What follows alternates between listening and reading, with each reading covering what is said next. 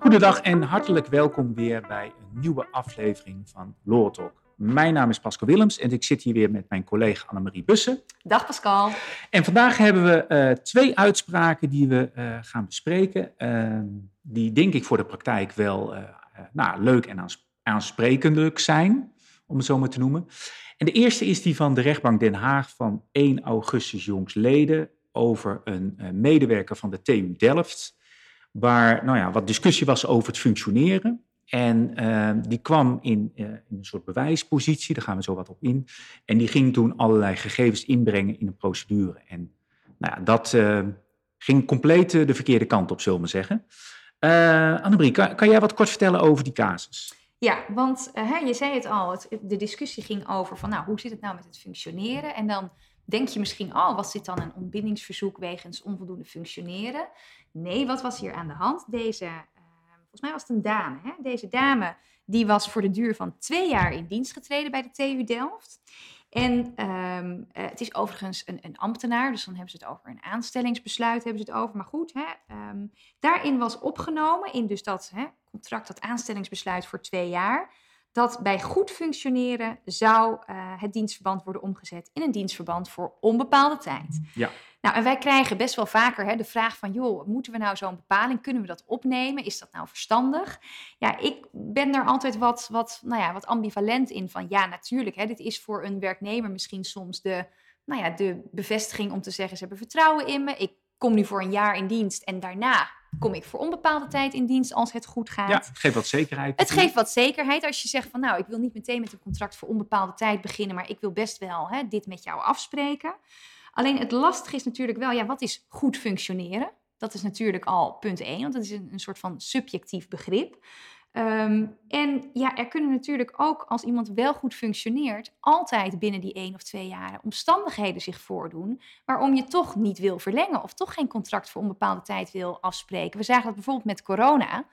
Dat, dat er eh, niemand had gedacht in maart 2020 dat je misschien in april 2020 zou zeggen: Ja, maar sorry, ook al heb je fantastisch gefunctioneerd het afgelopen jaar, ja. maar ik kan er nu geen handjes bij gebruiken. Dus uh, sorry, maar het is einde van rechtswegen. Ja. Dus volgens mij is dat wel wat wij, hè, wat wij dan meestal zeggen. Ja, je kunt het doen, maar formuleer het dan wel zodat het nog een intentie is. Dus het is de intentie van partijen om bij hè, goed functioneren ter beoordeling van werkgever. Dus dan heeft de werkgever daar het laatste woord. En bij ongewijzigde omstandigheden om af te spreken dat we dan na deze periode voor onbepaalde tijd met elkaar verder gaan. Ja, je zoekt een beetje een balans tussen aan de ene kant voldoende zekerheid. En zeker in deze arbeidsmarkt Juist. is dat belangrijk. Hè? Want dat willen medewerkers natuurlijk. En dat kan je ook een streepje voorgeven ten opzichte van andere werkgevers. Aan de andere kant wil je natuurlijk wel de optie hebben dat als de samenwerking toch niet naar wens verloopt. Of zoals je zei, eh, onvoorziene omstandigheden. Ja, dat je dan toch nog afscheid kan nemen. Um, en dan inderdaad is zo'n formulering, denk ik, uh, uh, wel heel goed. Ja. maar goed, dat was even een, een, zijstapje. Maar die bepaling stond dus in, uh, in het aanstellingsbesluit van deze werknemer. En um, er komt dus discussie over het wel of niet goed functioneren omdat de TU Delft zegt van joh, we hebben eigenlijk twijfel over nou, hè, jouw functioneren. En dus willen we voor een jaar willen we jouw contract, jouw dienstverband moet ik zeggen, willen wij verlengen. Ja, en daar was uh, deze dame het niet mee eens. Want zij zegt nee, ehm, gelet op die bepaling hadden jullie mij een arbeidsovereenkomst voor onbepaalde tijd moeten aanbieden. En um, dat gaat zij ook voorleggen aan de, aan de kantonrechter. Ja. En um, wat je dan ziet is dat de kantonrechter uh, die gaat een, een bewijsopdracht eigenlijk verstrekken. En die zegt van ja, um, ik moet beoordelen of jij nou goed hebt gefunctioneerd en of er dus een arbeidsovereenkomst voor onbepaalde tijd uh, aangeboden had moeten worden door de TU Delft als werkgever. En dan komt er dus een tussenvonnis. En kennelijk is er dus een telefoongesprek geweest waarvan de werknemster zegt dat daarin is um, gemeld dat, hè, dat, dat er besloten is tot een verlenging van een jaar. En daar, daar gaat de kantonrechter dus vervolgens dan op verder. Want wat doet deze werknemster? In het kader van die bewijsopdracht die ze heeft gekregen, komt zij met een geluidsopname en een transcriptie van dat betreffende telefoongesprek. Ja, dat is dus één, trans of één gesprek en één transcriptie als bewijs uh, brengt ze in, in die procedure bij de kantonrechter. Ja, En dan uh, neemt de kantonrechter daar kennis van. En uh, de kantonrechter zegt dan op 5 oktober, dus best wel vlot, van nou, ik heb, um, ik, ik heb hier kennis van genomen en uh, werknemster, ik vind dat u er niet in geslaagd bent, hè, dat er sprake is van uh, goed functioneren, of in ieder geval de arbeidsovereenkomst had niet voor onbepaalde tijd verlengd hoeven te worden. Um, en tegen die uitspraak is deze dame um, in hoger beroep gegaan op 8 december. Ja, want uh, de uitkomst daarvan is wel dus dat het contract van rechtswegen is geëindigd op ja. 15 oktober 2021. En uh, daarbij is ook de transitievergoeding toegekend.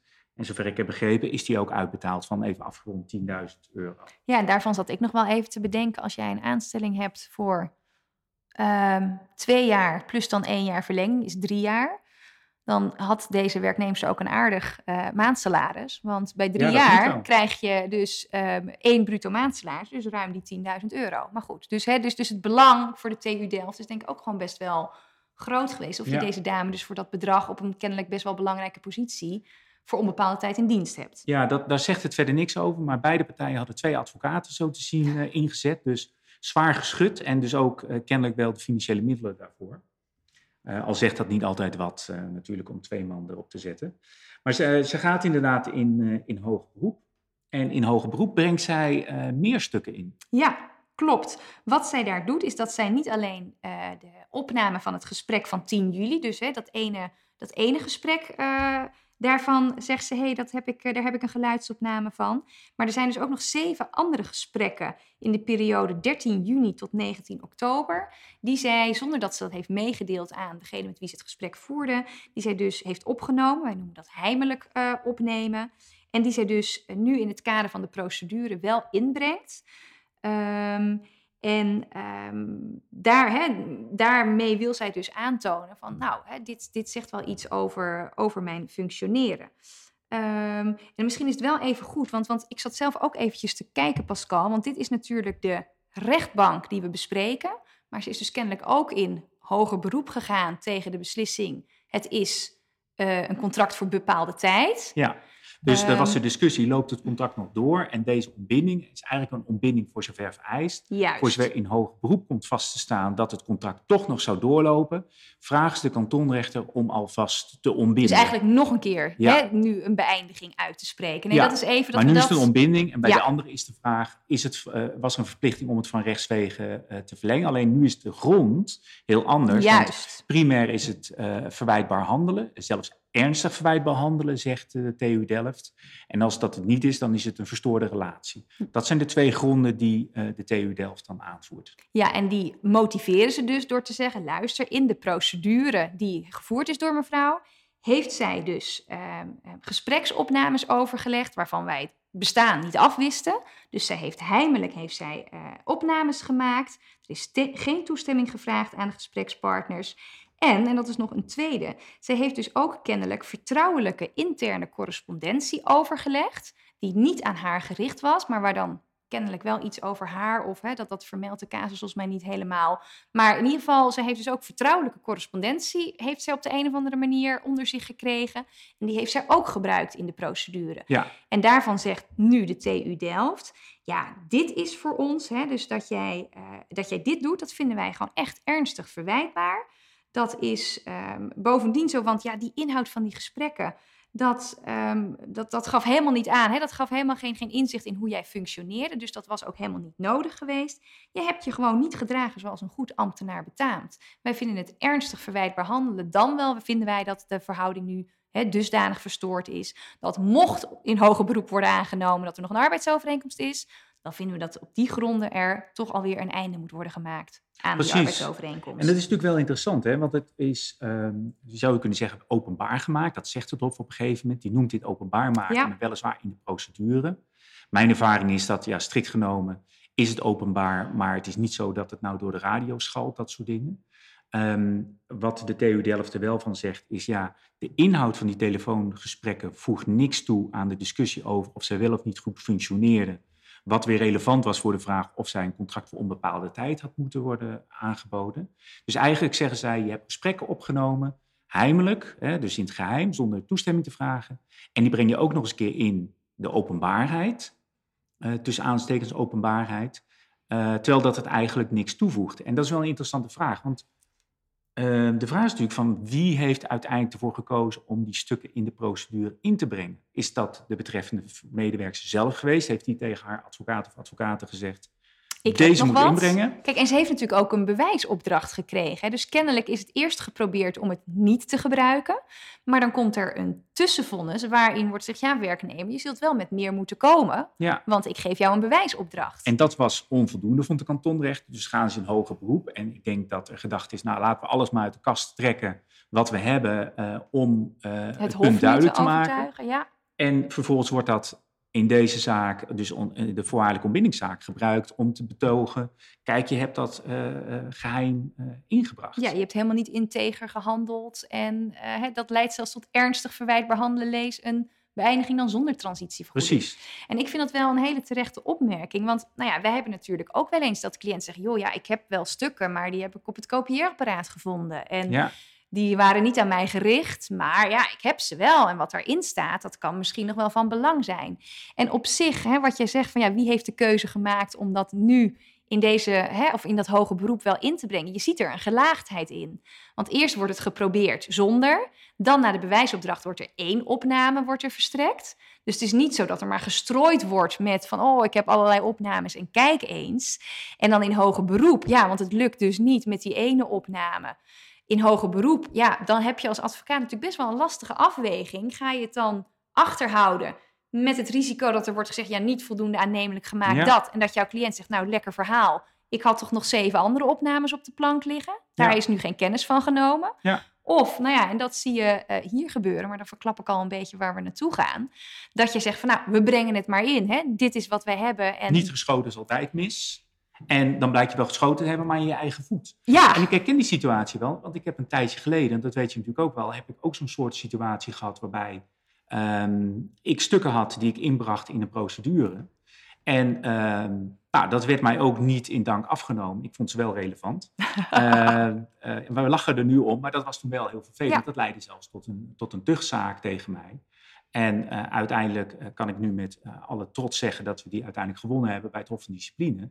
Maar als advocaat zit je soms best wel in, in een soort spagaat, hè, want je wil de belang van je cliënt goed vertegenwoordigen. Je hebt ook daarin ruime mate van vrijheid om die positie te verdedigen. Je mag ook een heleboel doen om zeg maar, de belangen van jouw cliënt te behartigen. Uiteraard hè, binnen de, de, de, strafrechtelijke kaders en grenzen die wij kennen. Maar ja. je mag, hè, je hebt zelfs de verplichting Precies. om uh, datgene te doen wat in het belang is van jouw cliënt. Precies, en, uh, maar dat is niet onbegrensd. Hè. Je nee. mag niet de privacy van anderen onnodig schenden. Het moet wel een bepaald doel hebben. Maar dan ligt het natuurlijk ook aan wat voor soort gegevens zijn het. En uh, in dit geval gaat het dus niet zozeer om het handelen van de advocaat als wel van de medewerker. Althans, het wordt aan de medewerker zelf toegerekend, ja. omdat het door haar of namens haar is, is ingebracht. Maar het wordt er wel aangerekend dat zij die heimelijke gesprekken uh, dan gebruikt heeft in een juridische procedure om haar positie te verdedigen. Waarbij zij het dus kennelijk van belang vond om dat te doen. Uh, en de werkgever dat niet van belang vond. Ja, en dan zie je in dit geval, en dan kunnen we wel naartoe gaan hoe het Hof ernaar gaat kijken. Het Hof zegt eigenlijk van ja, dat je het, het opgenomen heimelijk, uh, daar kunnen we ons wel iets bij voorstellen. Hè, want het was een, een lastige situatie en dat je daar goed wil terugluisteren wat er gezegd is. Dus opname voor jezelf bij een gesprek waar je zelf bij betrokken bent. Dat is ook wel een beetje, denk ik, de rode lijn in jurisprudentie. Dat is op zich wel oké. Het is misschien niet zo heel erg netjes. Het mooiste is natuurlijk om toestemming te vragen. Maar als je dat toch doet voor jezelf, dan is het wel oké. Ja, want, want, want dat is wel, want dat, ik, ik keek namelijk best nog wel een beetje op hoor, over de lijn die, die de rechter uh, hier kiest. Want mevrouw zegt, ja, ik vind het spannend, hè, kan niet goed, uh, hè, er komt heel veel dan binnen, dus daarom neem ik het ook op, dan kan ik het daarna terugluisteren. Dat is natuurlijk een argument wat wij heel vaak horen en wat je ook terugziet. En dan wordt er ook door de, door de rechter gezegd van ja, dat um, deze werknemer het spannend vond en dat ze ook in een wat ongemakkelijke positie zat, want er stond veel voor haar op het spel. Nou, dat acht de kantonrechter voorstelbaar. En dat zij van de gevoerde gesprekken opnames heeft gemaakt met het doel om zich naderhand beter op haar positie te kunnen beraden. Dat is op zichzelf ook niet verwijtbaar. Nee. Maar dan komt hij, verwijtbaar is wel dat de werknemster dat heimelijk heeft gedaan en niet één keer, maar acht keer. En die opname vervolgens in de openbaarheid heeft gebracht. En volgens mij zit het hem daarin. Dus ja. dat je dat uh, heimelijk hebt gedaan, oké, dat is niet netjes, maar in de openbaarheid brengen.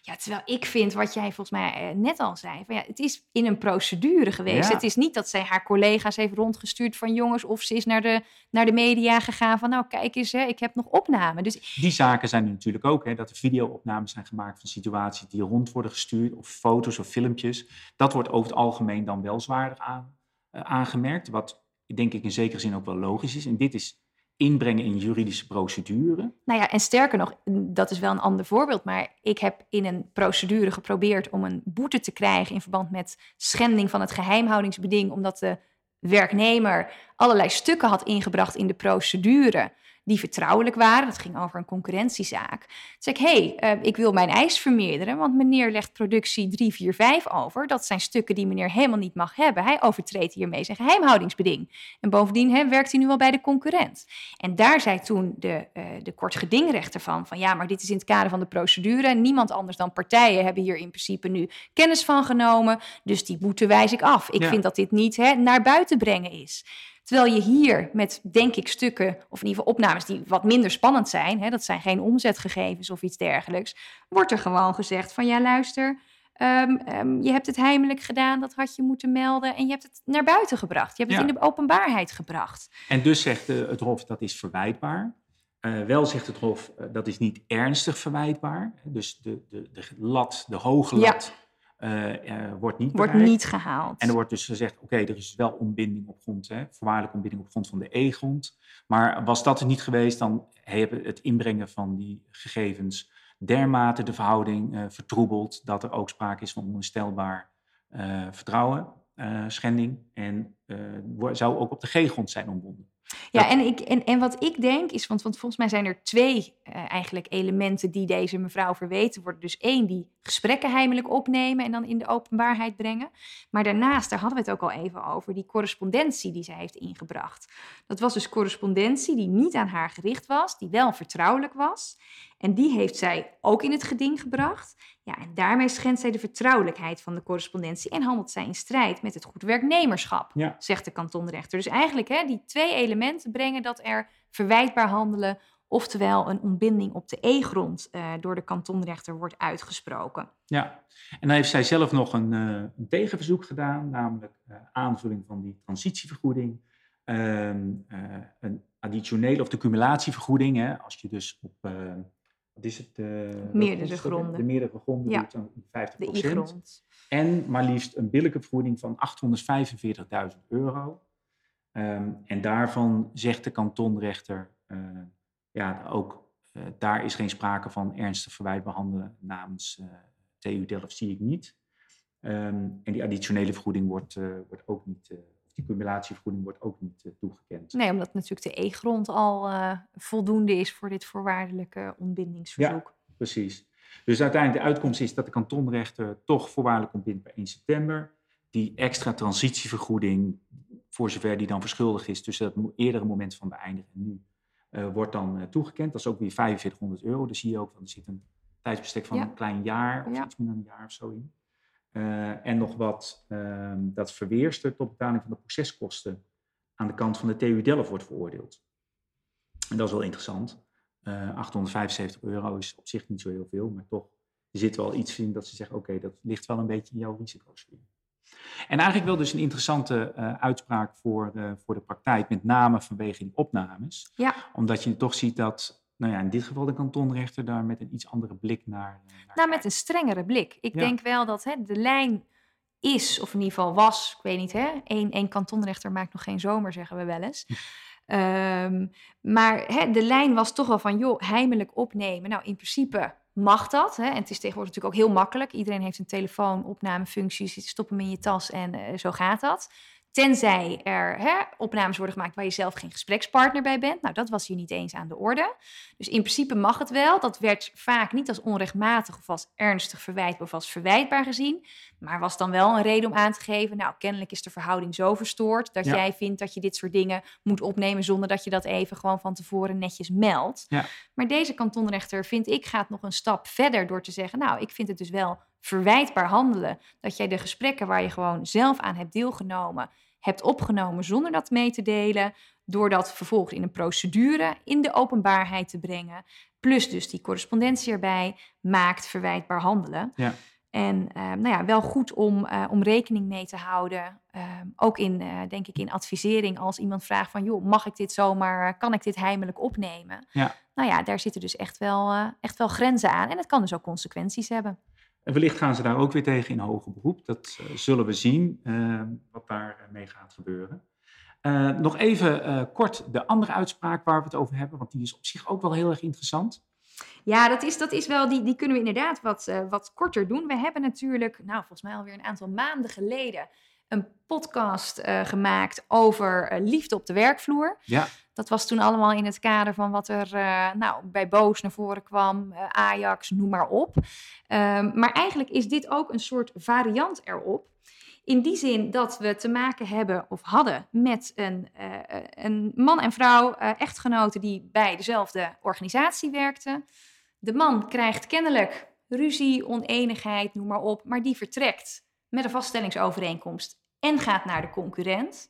Gebeurt regelmatig. Gebeurt, gebeurt regelmatig. Alleen vervolgens uh, krijgt de, uh, de vrouw, de dame die als administratief medewerkster werkzaam is, die mag niet meer thuiswerken en die uh, krijgt het gevoel van, hé hey jongens, volgens mij vinden jullie het heel erg vervelend dat mijn man nu bij de concurrent werkt. Maar ja, moet je niet bij mij zijn. Dat ben ik niet, hè? Ik ben mijn man niet. Ik Ja. werk hier toch gewoon al vijf jaar naar volle tevredenheid. Precies, en wij praten niet over het werk, wij doen er echt helemaal niks, compleet gescheiden. Nee, ik kom thuis en dan weet ik niet meer waar, waar mijn werk woont, zeg maar, bij wijze van spreken. Ehm, Dus toch een spreekwoord van twee hoofden op een kussen. Daar, Daar eh, slaapt de duivel tussen, jazeker. Ehm maar wat deze dame dus doet, die heeft tijdens een werkoverleg gevraagd van ja, ik wil eigenlijk net als mijn collega's, wil ik ook gewoon thuis kunnen werken. Dus kunnen jullie ervoor zorgen dat dat kan? En ehm, ja, daar heeft de werkgever van gezegd van nou, na het vertrek van jouw echtgenoot hebben wij nou ja, toch wel een beetje het gevoel, of in ieder geval, hè, er, kan, er kan van alles misgaan. En mevrouw legt dat uit als van oh, ik word dus niet meer door jullie vertrouwd. Ehm, hè, en ehm, er zou gezegd zijn dat ze maar om zich heen zou moeten gaan kijken. Nou, daarvan zegt de werkgever, dat hebben wij nooit zo gezegd. We hebben inderdaad wel een beëindigingsvoorstel gedaan. Daar komen partijen alleen niet uit. En wat de werkgever hier, wat mij betreft, wel heel, heel zuiver, heel correct doet, is die zegt: wij gaan een ontbindingsverzoek indienen op de H-grond. Dus dat is op Ja. de restgrond. Ja, En dat is wel een aardige, want deze hebben we nog niet terug zien komen in, in ieder geval in de voorbeelden in de wetsgeschiedenis. Maar hè, dit is een soort van omstandigheid die buiten de werknemster ligt, die haar niet in de persoon verweten kan worden of, of aan haar ligt. Maar het is wel iets, een, belangrijk punt waarvan de werkgever zegt, ja, dus kan de arbeidsovereenkomst niet meer voortduren. En dan zie je ook dat de kantonrechter daarin meegaat. Want de kantonrechter zegt van, nou oké, er is van alles met die echtgenoot en hè, moeilijk, lastig, spanningen toen in de relatie. Maar feit is dat deze echtgenoot eh, na een VSO uit dienst is gegaan en dat hij bij een concurrent is gaan werken. Ehm, en ja, ik snap dus ook wel dat bij de werkgever nu de zorg leeft dat er concurrentiegevoelige informatie, misschien wel onbedoeld, maar via de werknemster bij die echtgenoot terechtkomt. En kennelijk heeft de werkgever ook een heel goed verhaal ter zitting gehouden van hè, waarom ook maar een heel klein stukje aan informatie al ehm, ehm, nou ja, heel erg veel gevolgen kan hebben bij, bij de concurrent. En dan zegt de kantonrechter aan van nou, er is geen aanleiding om aan de integriteit of betrouwbaarheid van uw werknemster te twijfelen. Oftewel, hè, u, u valt geen Ja. enkele blaam. Maar ja, eh, ook de werkgever heeft dat kennelijk uitgesproken van het ligt inderdaad niet aan mevrouw, dat staat niet ter discussie. Maar het gaat er gewoon om dat bedrijfsinformatie via de werknemster onbedoeld bij de echtgenoot terecht kan komen. Die heeft een leidinggevende functie bij een concurrent en ze bedienen dezelfde soort klanten. En, ehm, en wat er dan nog wel wordt gezegd van ja, en daarbij weegt ook mee dat we er wel van uit kunnen gaan dat de werkgever en dus die echtgenoot niet als vrienden uit elkaar zijn gegaan zodat de vrees dat de echtgenoot van de werknemster in het wel en wee van de werkgever geïnteresseerd zal blijven, niet ondenkbeeldig is. ja. En de kantonrechter zegt, nou, daar ga ik wel in mee. En dus ontbind ik op de Haaggrond. Ja. ja, ik las hem ook en ik moest eh, meteen terugdenken aan een zaak die ik in 2001 heb gedaan, die ook gepubliceerd is destijds. Dus voor de, de goede vinders, zoekers, die kunnen hem vast wel de ergens... oudere, voor de Oudere oudere mensen onder ons, die hebben het misschien zelf meegekregen toen. Nou, dat hoop ik niet, want eh, daar was precies dezelfde situatie. Ook twee vrij hoge leidinggevenden, of twee ja, hogere medewerkers van een bedrijf. Eentje werd commercieel directeur bij de grootste concurrent. En toen kwam er een interim directeur en die vroeg mij van, nou, gooi die andere er ook maar uit, even heel kort door de bocht. Dat hebben we geprobeerd, maar ehm, dat lukte niet. Juist ook omdat er geen aanleiding was, geen concreet aanleiding om te twijfelen aan de integriteit. Ondanks dat de betreffende medewerkster uh, een CD-ROM met alle klantgegevens in het weekend meenam naar huis. Kijk, dat, dat, vind, ik, dat vind ik namelijk, dat is iets waar je aan op kan hangen. Dat je zegt van, nou ja, die vrees is er niet alleen, maar we hebben ook echt een concreet voorbeeld ja. dat, bij wijze van spreken, de partner uh, die CD-ROM uh, kan kopiëren. Ja, klopt. En toen werd gezegd, ja, maar ze heeft een geheimhoudingsbeding, geloof ik. En daar moet je, op het moment dat je geen concreet bewijs hebt dat zij dat heeft overtreden, ga ik daar niet in mee. Uh, dus uh, ja, uh, toen kwamen we van een koude kermis thuis. En, maar dan zie je dus dat daar anders over gedacht kan worden door een kantonrechter. En dat is op zich wel logisch, denk ik.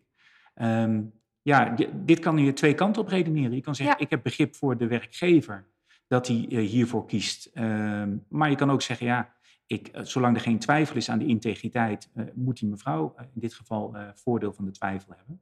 In dit geval heeft, nou ja, laat ik zeggen, de werkgever ja, of je dat succes kan noemen, durf ik niet te zeggen. Maar in ieder geval wel zijn zin gekregen dat die uh, ontbinding werd uitgesproken. Ja. Dus het is ook voor de praktijk een, een hele interessante, omdat we hier best wel eens vragen over krijgen. En dan zeggen wij ook altijd van ja, kan vriezen, kan dooien. Nou, in dit geval, wat noemen we dit, vriezen of dooien? Ja, ligt er vanuit welke ja, invalshoek je het bekijkt. Hè? Maar goed, er is dus ook wel wat voor te zeggen. En ja, soms moet je dan uh, die gok nemen, denk ik. Nou, we hebben uh, behoorlijk lang doorgekletst vandaag, maar waren natuurlijk twee hele interessante uh, uitspraken, waar, waarvan hopen dat jullie daar nou ja, iets aan hebben. Wij vonden het in ieder geval heel erg leuk om deze weer te behandelen. En nou ja, graag tot de volgende keer. Tot een volgende keer.